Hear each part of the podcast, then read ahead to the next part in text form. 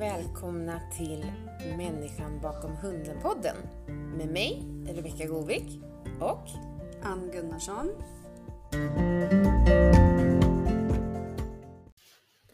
Varmt välkommen säger vi till Pia Myrstedt. Tack så mycket. Kul att ha med dig i våran podd. Jättekul. Tack. Det här ska bli intressant. Man får ju, jag får ju först då berätta, jag har ju en, vi båda har ju en li, liten personlig relation till Pia. Absolut. Men jag har ju också en yrkesroll tillsammans med dig Pia. Ja, det stämmer. Precis. några år. Ja, precis. Du jobbar på Hundens hus tillsammans med mig. Mm. Ja. Och det är jätteroligt som hundfrisörlärare Ja. på den utbildningen vi har där på Hundens hus. Mm. Så det, Mm. det är väldigt roligt att ha Mm. med. Men eh, nu tänkte ju vi att nu vill vi veta mer om dig. Ja. Mm. Kul att få vara här. Ja. Ja, jätteroligt. Ska man börja vår gemensamma tråd med... ja, precis. Hur börjar allt? Hur kom du in på hund en gång i tiden? Och Starta då- ditt intresse liksom. Ja, alltså jag, jag ville ha hund sedan jag var pyttelitet barn. Liksom. Ja. Men, och var ett ensambarn egentligen. Jag hade en äldre syster som var utflyttad. Så att jag var ensam och tyckte att jag ville ha någon liten kompis. Och mina föräldrar tyckte att nej, hund det var för besvärligt. Det var för för mycket jobb. så det gick inte. Nej. så det började med att jag fick några zebrafinkar i en bur. Och eh, där fick jag hålla mig för dem några år. Se där ja. Ja. Och sen så fick jag till till mig en katt i alla fall. Så vi kom Ja. hem med en liten kattunge som heter Lukas, en svart liten rackare. Och han var otroligt fin och jag fäste mig jättemycket med honom till honom. Och han, sen blev han sjuk tyvärr och fick en, en, en böld så att han Mm. försvann. Så eh, det, det blev liksom ingen, ingen hund i den här familjen. Inte förrän jag sen träffade min blivande man, eller min nuvarande man också, Ja. som faktiskt, vi är fortfarande gifta, Ja. Peter. Han, eh, hans föräldrar och hans familj hade två stycken stora långhåriga Sankt Bernhardshundar Mm. som heter Ferdinand och Hannibal. Och eh, det blev liksom någon sorts, alltså det är klart att jag, jag fäste mig och älskar min man. men, men jag har hört någonstans att det faktiskt är så här att man dras till de personerna som faktiskt också har samma sätt att se på, på både djur och på barn och, och den Ja. biten. Så vi fäste oss vid varandra och jag fäste mig vid de här hundarna. Så att, eh, när vi hade varit tillsammans ett år, då eh, skaffade vi oss en Newfoundlandshund, en tik Ja. som heter Julia. Ja. Från en kennel uppifrån Borås som hade hållit på i många år. Karin och Erland hette de, så det var Karilands kennel. Mm. Och Julia hade vi medan vi fick våra barn. Vi fick tre barn och eh, när hon sen eh, blev tio år, då var Caroline, vår yngsta dotter, ett halvår bara. Då, då blev hon sjuk och gick bort fort då. Då var vi utan hund några år Mm. och sen så började vi fundera på att nej, det här går inte. Jag kände att jag, det, eh, Det är tomt. det är tomt. Ja. Det gick inte att vara utan hund. Trots att man har tre barn och det är full rulle Ja. och det är hus och det är jobb och allt mellan himmel och jord. Så, nej, då började vi leta efter en ras, ras som var lite, lite, lite mindre. Lite kanske, och fortfarande social, fortfarande en familjehund, allroundhund. Då hade de tagit bort det här med att kupera svansarna på spaniels. Mm. Ja. vi började kika på detta och Mm, eh, för då, då ville jag ha min, ja, Kuperingsförbudet Mm. kom ju 89. ja Mm. Precis. Så, eh, och detta var 92 då, då började vi kika på att nej, där någonstans. Var det Welsh direkt? Ja, eller? nej, ja. det var det inte. Nej. Det var både cocker, alltså Ja. faktiskt din eh, Mm. Ann. eh, och det var även engelsk springspaniel. Men Mm. så var vi i Kungälv på Folkets hus och det var en inofficiell utställning och där stötte vi på Marita och, från Kenneth Grimhills Mm. som hade en Welsh Spring Spaniel tik då som de kallar för Isabella. Mm. Och det var en otroligt vacker och väldigt framgångsrik tik också i utställningsringarna. Och då kände jag bara, nej gud, det får denna rasen. De här lite korta öronen, den vackra färgen och den här, det här sociala goa sättet som hon hade. Då fastnade vi direkt. Och både jag och Peter, vi var Mm. helt rörande överens om att det här var våran Vad ras. skönt, för Ja, annars kan det var lite så Det här. kan bli lite motsättningar. Ja, eller hur? Ja. Så då, och då ville vi egentligen fortsätta ha tik, men det blev inte så utan eh, det fanns inga tikar att få tag i då. Nej. Så eh, då kom vi till en kennel som hade en kull och var på gång att få en, det, var en, det var en hane över där. Mm. Och då sa vi, nej men då. Jag ringde runt och det, det, det, var, det var det som fanns närmast. Ja. Och den var ju Stenungsund. Ja. Lära och bra. Mm. På Dagsländevägen. Mm. Ja. Mm. Så då blev det en Dagsländans Birk som vi eh, köpte och det var vår första Welsh. ja. Var Welchen det ni trodde? För du sa Mm. nu att ni bestämde att ni ska söka Mm. efter något mindre, familjärt, en Mm. allround, Mm. social. Mm. Känner du att det, är, det var verkligen rätt. Ja, Huvudet på spiken. ja. Mm. Eller hur landar ni? För du börjar ju egentligen söka på spaniels. Hur Ja. visste ni att spaniels är nog det ni vill ha?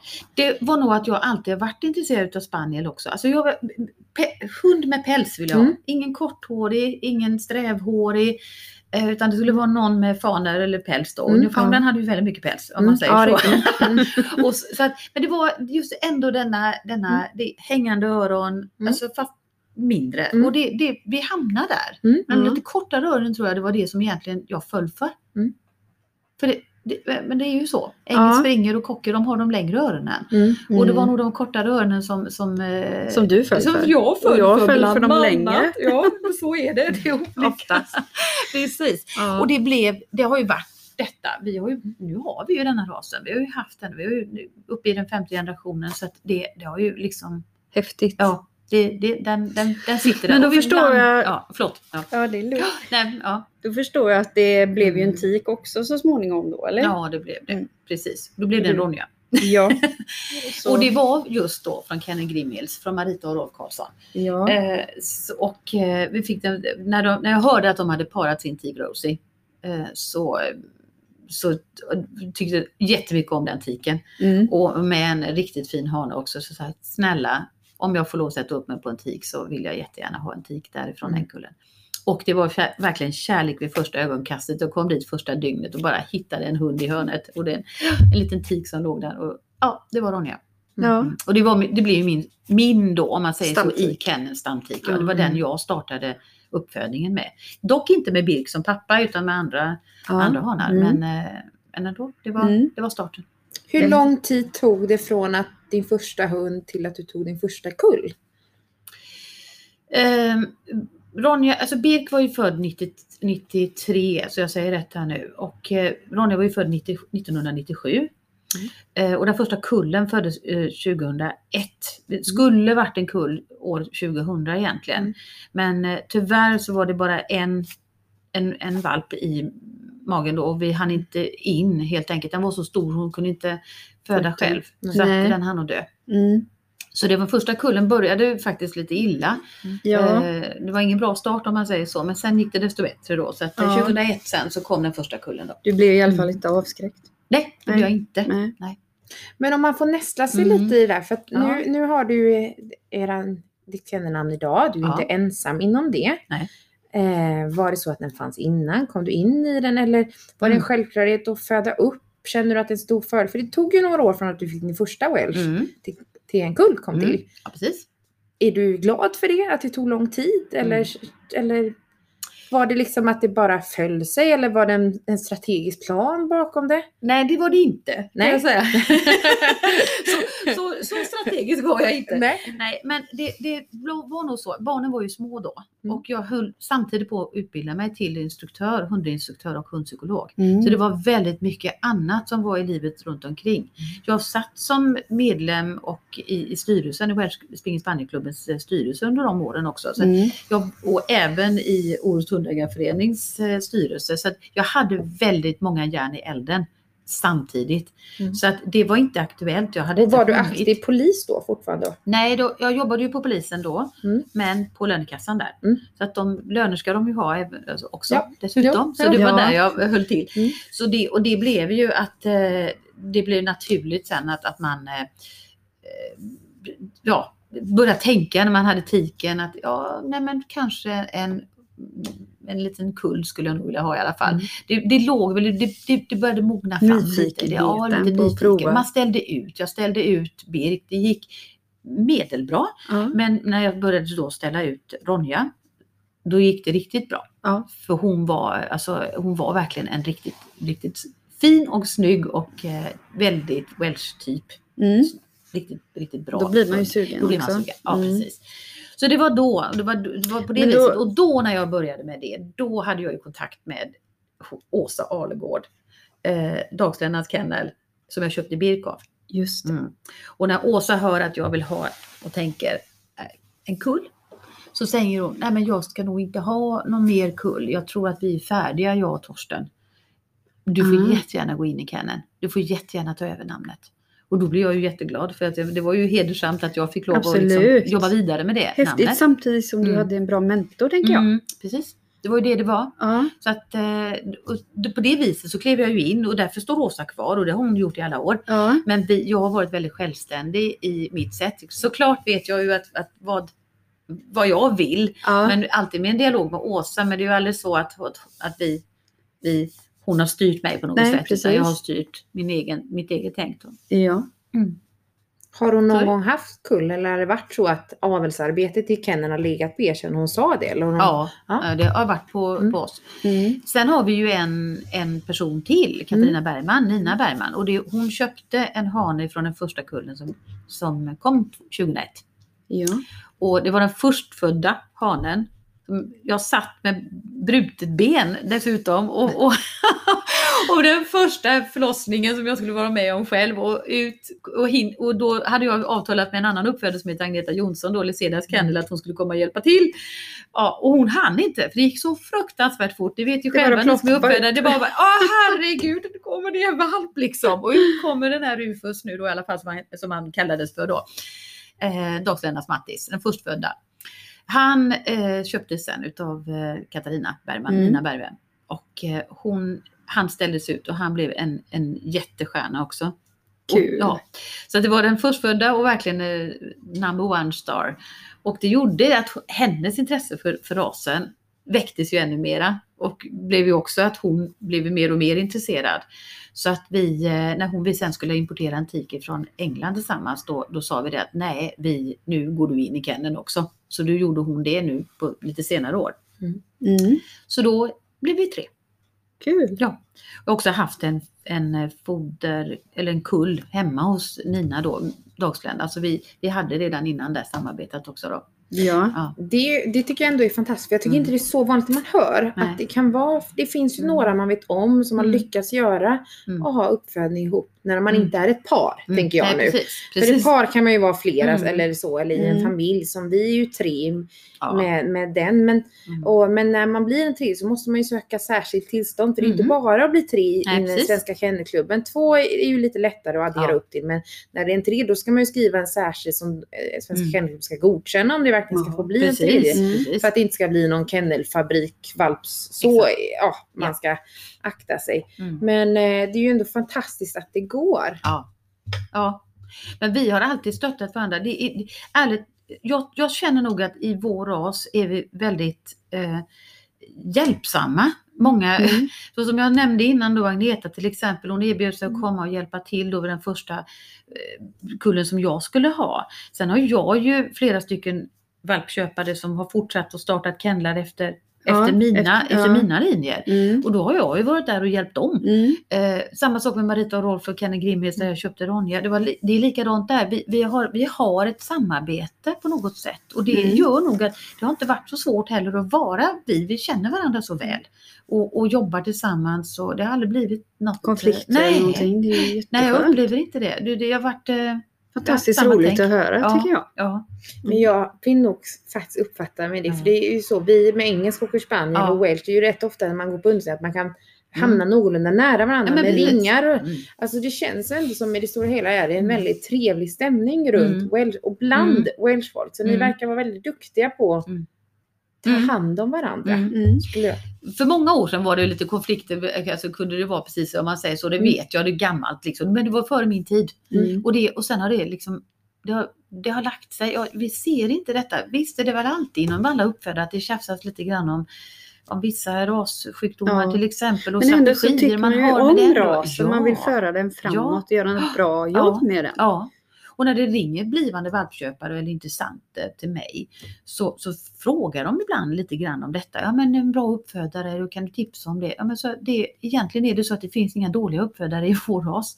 För vår Nej. ras har inte varit så populär, det har inte blivit för lycksökare, det har inte Nej. blivit för, för folk som inte har den här, det här rätta tänket och hjärtat på, på rätt ställe. Utan det, vi har så gott samarbete Mm. tillsammans så det, vi, det håller undan de där som eventuellt skulle vilja komma in och försöka sig på saker och ting. Det Så är ju att, kul. eh, Ja, nej, så vi, Mm. nej, vi har det som du säger Rebecka. Alltså det, det, det brukar vara väldigt trevligt när vi Mm. träffas. Mm. Mm. Ja. Mm. Ja, det är häftigt.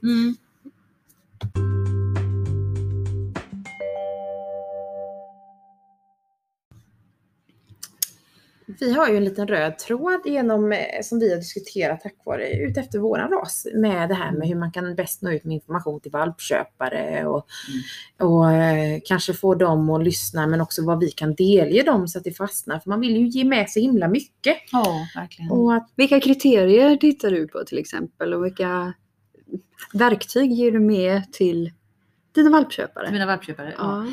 För det första så För att få lov att köpa valp först och främst. först och främst så ja. Ja, där, där är jag ganska noga med att informera om rasens egenskaper. Att det är faktiskt det är en ras som vill gärna vill vara med och man måste vara tränad på ensamhet för det, det är det som de behöver göra Mm. mycket. Och, eh, så därav kan man inte jobba hur mycket som helst. Nej. Eller det kan man göra men då får man sett till att det finns någon som, som kan ta hand om dem. Då. Det är ju det, ja, att man, att, man har en plan på framåt vad man vill göra Ja. med hunden. Många är, vet redan att det är en aktiv ras. Mm. Många är inställda på att ja, vi ska ut och vi, vi är friluftsmänniskor och vi ska ut och på långa promenader och vandringar och vi älskar att åka skidor och vi älskar att göra det. Det får man väldigt ofta i mejlen eller på telefonsamtal Ja. att man är en aktiv familj. Och då brukar jag istället få vända på det så här att det första året behöver man inte vara så aktiv. För då är det bättre att man tar det lite lugnt för att de, de, annars så får de en, en förväntan på så mycket aktivitet så att Mm. de, de blir Upplever ganska stress. ostyr, ja, Mm. precis, ostyriga och lite stressade istället.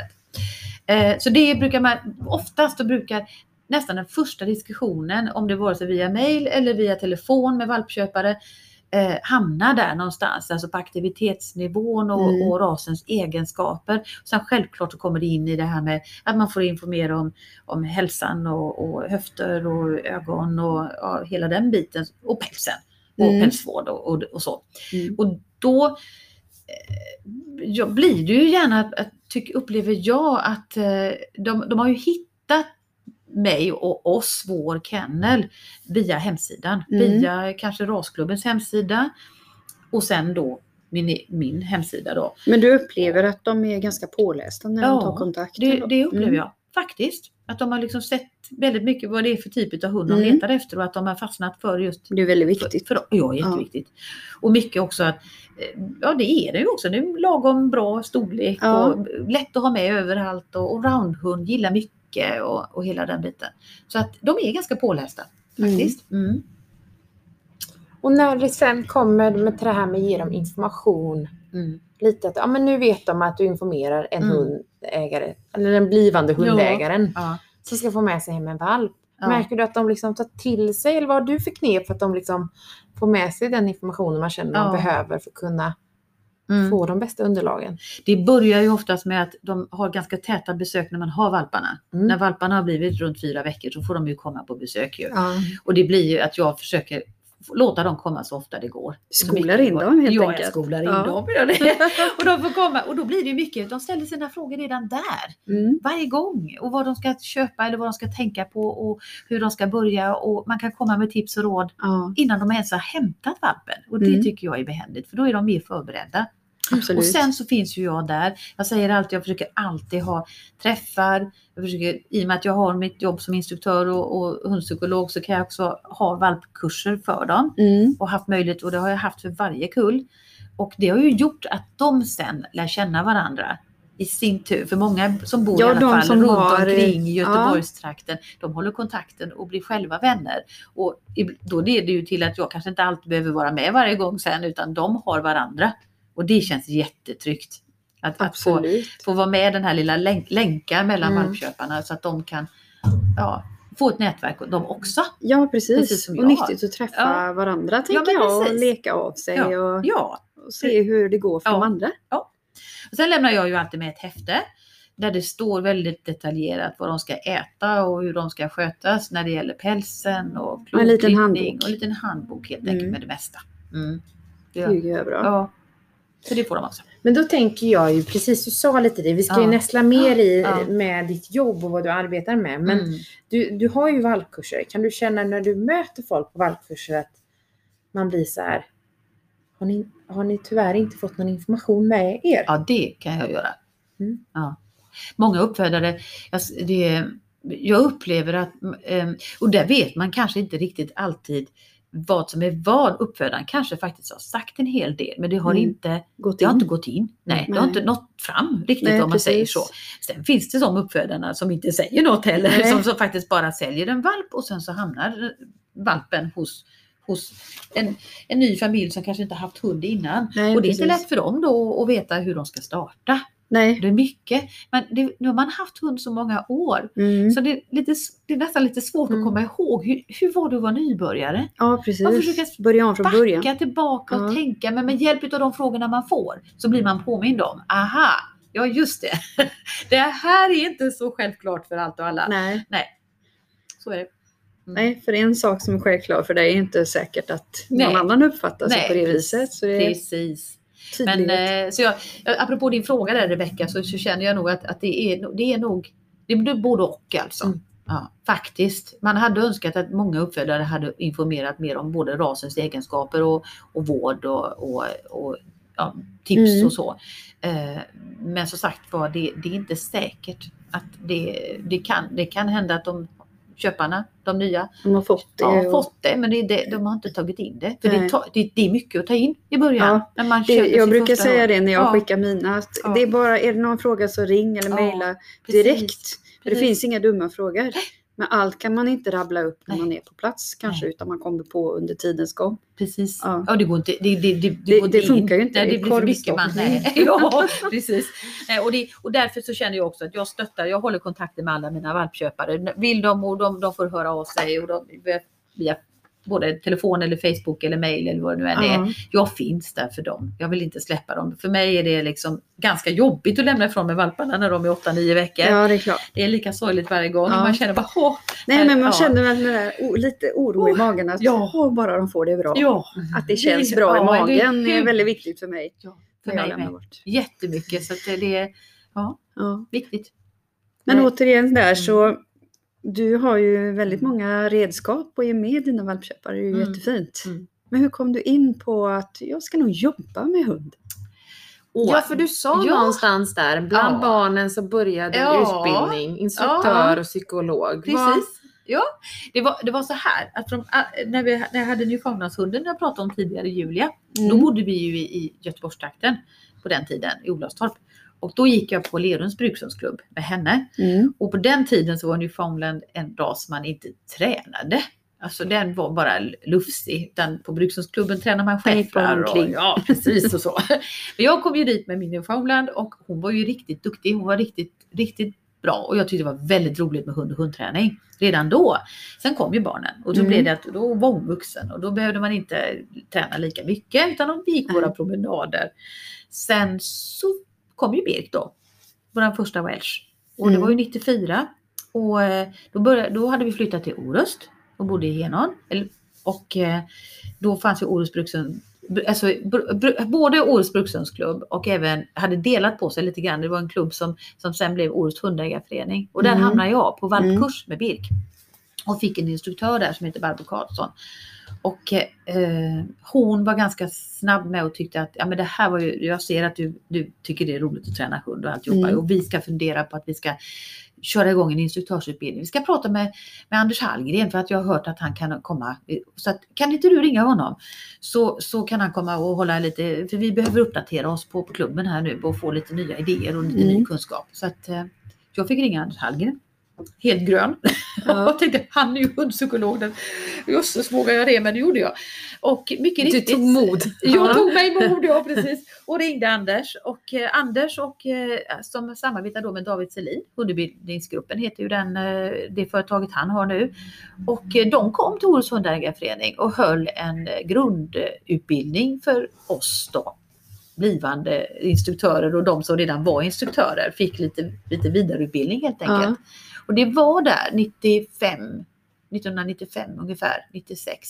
För det är ju egentligen Ja. ganska nytt. Nu backar vi tillbaka. Det var inte så Ja. lätt att bli instruktör om det inte var genom Svenska Brukshundsklubben på den tiden. Precis. Och var ju också, Ja. också med. För att nu Mm. mera, när man snabbspolar till nutid, Mm. så finns det ju mer privata aktörer, typ som Hundens hus. Men då var det ju verkligen, Det var inte många. Nej. Nej. Och det var, det var väl egentligen Anders och sen fanns det faktiskt Agneta Geneborg och Åsa Ahlbom hade en, en instruktörsutbildning också. Mm. Som jag inte ens kommer ihåg namnet på nu. Men, men, men det var Anders var ju den som var den, det alternativet som fanns parallellt eller bredvid Mm. brukshundsklubben.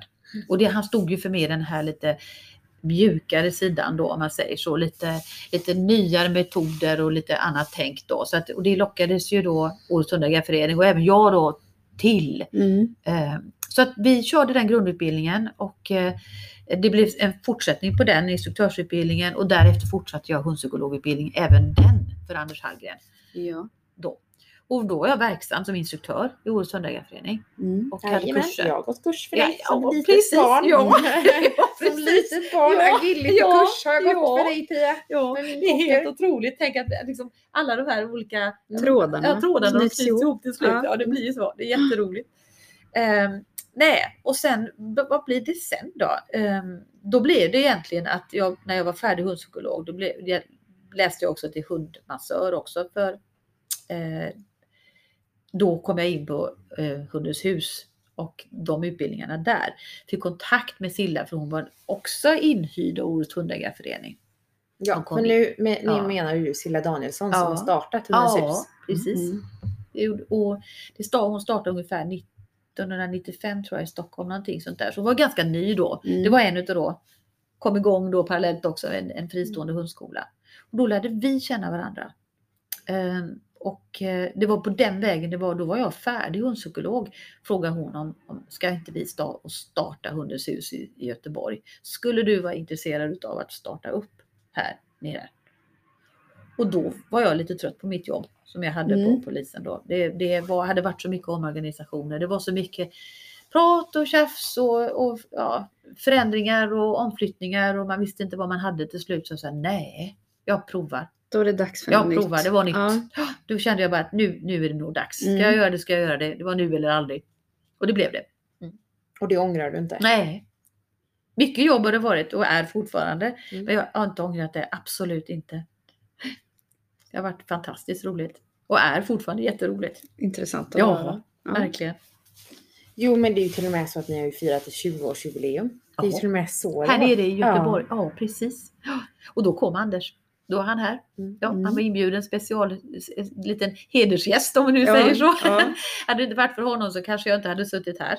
Helt enkelt, så är det ju. Mm. Och flera stycken till då som man har lärt känna under de här åren. Eh, Det har ju faktiskt varit så att Silla har ju varit en ganska innovativ och väldigt, eh, alltså en person som eh, på något sätt vill föra eh, hundens talan och det har jag ju också egentligen velat då men, men via många människor som faktiskt har en, en vettig kunskap och har en bra kunskap och en bred kunskap. Mm. Att man liksom står bakom män, människor som, som vi samarbetar med, är människor med, med en utbildning som etologer som både Lars, Lars Fält som ty, tyvärr nu har gått bort Mm. men, men eh, även Eva Bodfält och vi har Kerstin Malm och, det, och som sagt var Anders Hallgren och så. Många av dem har ju varit lärare på våra utbildningar också. Mm. Varit föreläsare. Vi har fortfarande en god kontakt med dessa personer då och samarbete. Så att det gör att man känner att man håller sig eh, ajour och, och Ja, att man är ja, ett gäng som ändå ja. vidareutvecklas. ja, precis. Man jobbar precis. fram något bra. Och kan dela med sig av den här nya kunskapen som hela tiden drivs framåt. Det har ju hänt så otroligt mycket i Mm. hundbranschen de här sista 20 åren. Jag Som, som vad då? Vad skulle du säga är den största förändringen? När du säger så, att det har hänt så otroligt mycket. alltså, vinklingen från att Anders då fick börja då för 30 år sedan ungefär med att försöka få folk att förstå att man behöver liksom inte tvinga hunden till lydnad utan man kan alltså jobba med hunden på, med samarbete istället. Det har ju utvecklats så otroligt mycket och forskningen har ju hunnit ikapp här. Så forskning har ju varit mycket mer inriktad på hund nu de sista åren. Man kan stötta sig på forskningen och veta Mm. det liksom att det här är alltså vetenskap. En det liten inte bara så, bekräftelse på att Ja, det är rätt det Ja, här. eller hur? Ja. Precis. Eh, Så det är mycket det, att, att man känner att det, det är, det har hänt jättemycket. Hunden förekommer mycket mer i samhället. Jag tänker på, Mm. man får ha med dem mycket mer. Förr var det ju när jag var för 30 år sedan, kom du med en hund på ett café så blev du utkörd. Du fick inte Ja. lov att Nu är det många mer kaféer och restauranger där du får ta med hunden in. Det är inga konstigheter överhuvudtaget. De, de följer med oss ut och reser väldigt mycket Mm. mer. Gränserna har öppnats. Eh, Tv-program finns mycket mera nu. Eh, många mer som liksom är verksamma med eh, ol- olika kurser och, och ja, så via Mm. TV och via radio och via poddar. Alltså hela tekniken har ju gått vidare apropå att vi sitter nu i Ja, en men det podd finns ju liksom här, va? så det, det når ut på ett helt annat sätt. Ja. att göra med en hund idag. Ja, ja visst. mot vad det Nya gjorde då sporter. kanske. Ja, ja, visst. Precis när jag började så hade ju var agilityn helt ny. Mm. Eh, och nu är ju det ett jättestor hundsport. Mm. Rallylina fanns sport. inte, Nej. freestyle fanns inte, nosework fanns inte. Och eh, det här är ju hundsporter som är extremt populära nu i, i, idag. Mm. Mm. Och det gör ju att det finns så mycket mer att göra för, för hund och hundägarna. Och det, det blir ju att då kan man ju också erbjuda det. Så där, därför har det exploderat, tycker jag. Jag upplever det de sista åren. Mm. Ja, nej men det, det är ju bara, det är ju så häftigt och man ser ju också hundens användningsområde här Ja. med att skolhund, pedagoghund, Mm. omsorgshund, alltså alla de här inriktningarna som man, man tar hjälp av Ja. hunden för att människans välmående, Verkligen. att man har De sett den. Sociala tjänstehundar ja. Ja. ja. Oh, ja. Och det är, nej men det är ju så, det är ju verkligen alltså den, den, den arten, den, Mm. hunden är ju verkligen vår, vår bästa vän. Det är ju, den, den, den finns ju med oss i allt och hjälper oss med så mycket. Och som Per Jensen är också etolog som vi har mycket samarbete med. Och då- han säger ju det att människan hade inte ens varit så, så framstående som människa om inte hunden hade funnits. Nej. Och eh, nu Vetenskapens Värld var ju med, var ett tv-program för några veckor sedan, Mm. så tog de just upp det. Men att det, det är viss, vi, vi tydligen vissa, vissa människor har speciella gener. Vi Mm. dras till, det är vi som är om, många gånger omhändertagande, man har dragits liksom till eh, den här vargen som sen då blev lite alltså domesticerad mer och mer, vargliknande eh, djur som då blev hund. Våra Mm. egenskaper, de personerna som, de människorna som hade de egenskaperna omhändertagande, det är den, den omhändertagande egenskapen som har gjort att människan har blivit så, så, så stora som vi har blivit egentligen som art. För att vi har fortlevt så länge. Det är, Mm. det är just det, den, den, den, att vi är så duktiga på samarbete, Mm. att vi är så duktiga på att ta hand om varandra i många lägen Mm. Fint. och kommunikation. Så Mm. det känner jag att där, det, det, det är häftigt. Vad är det vanligaste problemet som hundägare har idag? Jag menar, Ja, när de kommer och söker. Eh, det finns det, det, det, på gott och ont nu detta med att hundarna får vara med överallt Mm. och att det finns mycket att göra med dem. Så har det också blivit att en del blir faktiskt lite för mycket, för mycket aktiverade. De- blir överstimulerade. De, det krävs ganska mycket av en hund i dagens samhälle. De ska klara ganska mycket. mm, De åka buss och spårvagn och de ska gå på kurser och de ska vara med på kalas och de ska hantera det mesta.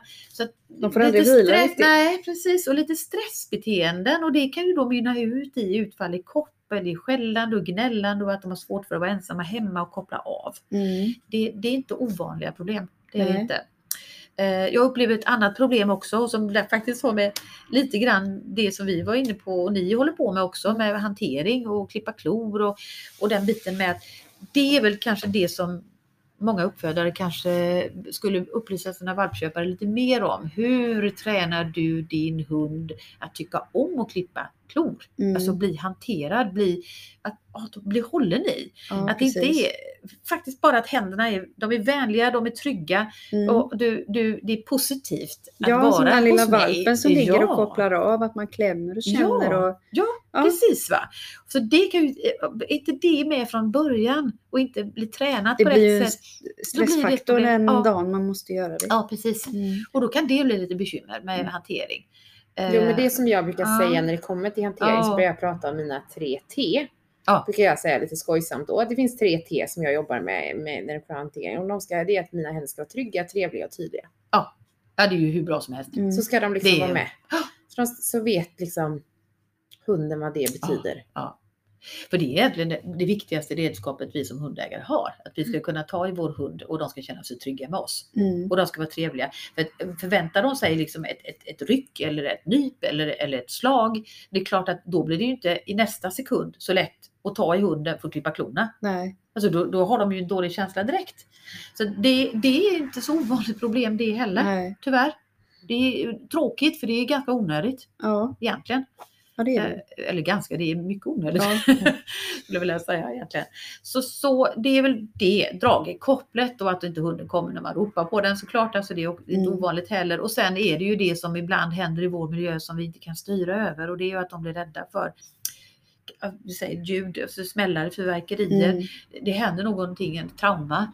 Med en hund blir överfallen av en annan hund. Ja, precis. Så att de blir skrämda, så Mm. rädda liksom. Så att det kan ju också, Trigga igång. ja, precis. Ja. ja, vi skulle kunna hålla Ja. på hur länge som helst. Ja, det är Men, intressanta ämnen, ja. minst sagt. Ja. Vad är det roligaste minnet du har med dig genom tiderna? Kan man säga så? Det är svårt bara att greppa något, men Oj! något som ligger dig riktigt varmt om hjärtat. Åh herregud, eh, det borde jag ju egentligen kunna komma på med en gång men nu blir jag helt blank. Ja, nu blir jag helt blank.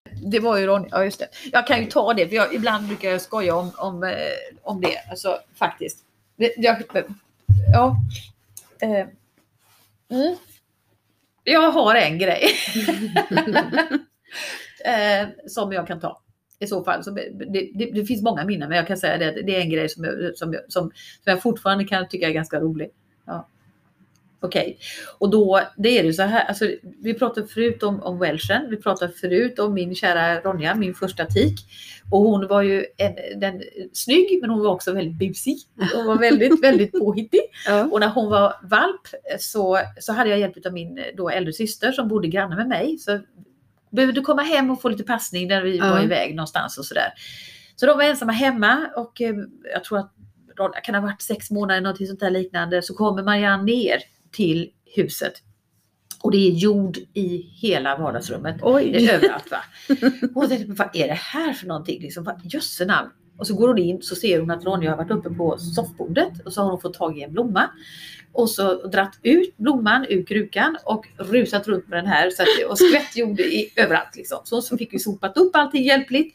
Och så ringde hon till mig och så sa att du, det där, alltså, det var inte någon bra idé att ha den där blomkrukan på bordet. Nej, nej, det, det, jag ska komma ihåg det, säger jag. Jättebra. Så dröjer det en vecka någonting sånt där så, så ringer hon igen och så säger hon, nu har det hänt en gång till och nu har hon planterat fågelfrö i det också. det var min man som inte hade riktigt fattat att den där blomman inte skulle stå på det bordet. Utan och då hade hon dessutom fått tag i fåglarnas eh, fågelfrö. Så det, det, hon var lite Hon var lite kreativ. Ja, Pyssla lite. ja. Och Welchens signum är faktiskt det. De är gärna på borden. Ja. Så det är någonting man får upplysa sådana valpköpare om att de klättrar, de älskar att Sätt vara högt upp och de sitter gärna på bordet och tittar ut. Ja. Häftigt. Eh, det, ibland kan det föras diskussion så här. Ja. Hör jag vissa andra folk säga att det, man, borde det finnas ett körkort för hundägare för att skaffa? Tror du att det är rätt väg att gå? Ibland kan man det- se sådana diskussioner. Ja, nämligen. jag vet. Och det, det, och det borde egentligen, det är en väldigt bra idé och det har varit på tapeten Mm. i, i Sverige. Det har varit det och i England finns det ju någonting det här att man kan ta alltså ett, ett eh, Good citizens. eh, ja, Mm. guld och silver och brons och så. Och jag varit inne på det, att man skulle kunna göra något liknande här. Mm. Och det, IMI som det hette då, nu heter det inte det längre utan det heter ju Sveriges hundföretagare. Men IMI försökte ju införa någonting liknande, någon, som, någon form av hundkörkort. Mm. Men det har fallit. Jag tror att det måste finnas i så fall, det måste ut, komma från Kennelklubben. Ja, precis. Det måste komma från, eller Brukshundsklubben. Ja, Det eller kanske nästan ända uppifrån, ja precis. Det kanske till och med är att det är ja, från myn- någon myndighet som Ja. menar beordrar i princip att nu behöver vi ha en utbildning Mm. som är liksom för, Fler och fler hundar Ja. blir det ju. ja precis. Och vi ser ju bara den här effekten av Ja. corona med Ja. valpar. Ja, ja, vilken boom. Precis. Mm. Så att absolut. Vad händer det sen? Ja. För det blir ju det. Det är ju, jätte, det är ju rätt för det kommit från myndigheten. Men jag inte tar helt fel med årtal så är det ju att man, ska du vara uppfödare idag och det här är ju inte Svenska Kennelklubben utan det här är ju liksom jordbruksverket. Ska du vara uppfödare från och med 2022 tror jag det är. Eller om det är 2021. Jag tror det är 2022. Ja. Låt vara lite osagt. Så måste du ha den senaste uppfödarutbildningen för att du ska få lov att föda upp hundar överhuvudtaget. Och då är det hundar. Inte om det spelar, då har inte de lagt någon värdering i om det ska vara blandras eller renras eller det ena med det tredje. Sen hur de sen ska kunna kontrollera det, det får man ju se för framtiden. Men det är ju ändå en, Ja. en sån verklighet vi går emot. Precis. Då kommer man ju där och då, då är, Ja. Det, det är ju det där. blir något- Nej, ja, det är det jättesvårt. Sen tycker jag nog att de allra flesta vet att de ska gå valpkurs. Mm. De, Ja. de, jag tycker nog att de flesta tänker Jag tycker så. det hör ja, ja, ja, ja, och Mm. jag, de flesta gör det.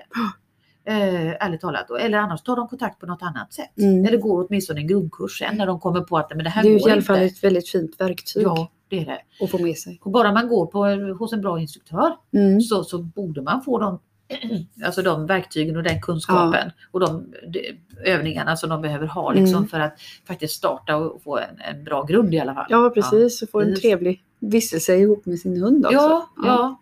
Visst, Sen kan man aldrig komma ifrån att det finns liksom personer som inte, som inte vill eller inte, inte tar ansvar. Men så Nej. är det ju alla, i Alla vilket lägen. läge som helst. Ja, Mm. I trafiken eller vad, vad som helst egentligen. Precis. Mm. Mm. Om du fick avslutningsvis ge ett, eh, ge ett tips till en hundägare som har tänkt att skaffa en hund. Vad tycker du man ska titta efter? Vad är, vad är det de ska liksom ställa sig? De, de funderar på att skaffa sig hund. Liksom. Ja. Där är de. Vad, Vad rasens egenskaper. I Mm. första hand så brukar man många gånger kanske titta på hundens utseende och titta, åh vilken gullig hund. Mm. En röd hund eller en pälshund eller, eller vad det nu än är. Jag vill ha en liten hund. Men titta mer på vad är den avlad för eller till Mm. egentligen. Så Precis, vad är det du får i kopplet? Ja, precis. Så du inte kommer hem med en strävhårig tax som är jättesöt och jättefin men du kan inte ha den lös i skogen för den sticker. För den ska jaga. Och då, då, det är inte ett problem för hunden men det blir, kan bli ett problem för dig. Mm. Eh, och kanske en aktiv vallhund. Om jag nu inte är den aktiva hundägare som vill träna min hund, då, då, då är det inte både Då är det inte rätt ras, Nej, det är inte rätt ras. Nej. Så att jag behöver titta på egenskaperna. Eh, det, det viktigaste, vad vill du ha hunden till? Så att lite det här med att när du köper bil så tittar du vad vill jag ha bilen till? Vad behöver jag ha den för? Mm. Ja. Var lika samma. noga. Ja, Ja. Var lika noga när du köper en, en, en, en hund. Ja. det här blev ju ett väldigt trevligt samtal. ja, det Pia, tycker jag. vad kul det var med dig och höra dig prata. Tackar så mycket. Jätteintressant. Tackar. Tack tackar. snälla för att du kommit. Tack själv för att jag fick vara med. Det var jätteroligt. Så till alla som har lyssnat, ta med er det. Pia är klok. Hon har många bra saker att ni kan ta med er på. Eh, har ni några reflektioner får ni gärna höra av oss. Ni vet att vi finns på Facebook, Instagram eller så mejlar ni till oss på eh, människan bakom hunden gmail.com. Ha, Ha en så fin vecka. Hej då!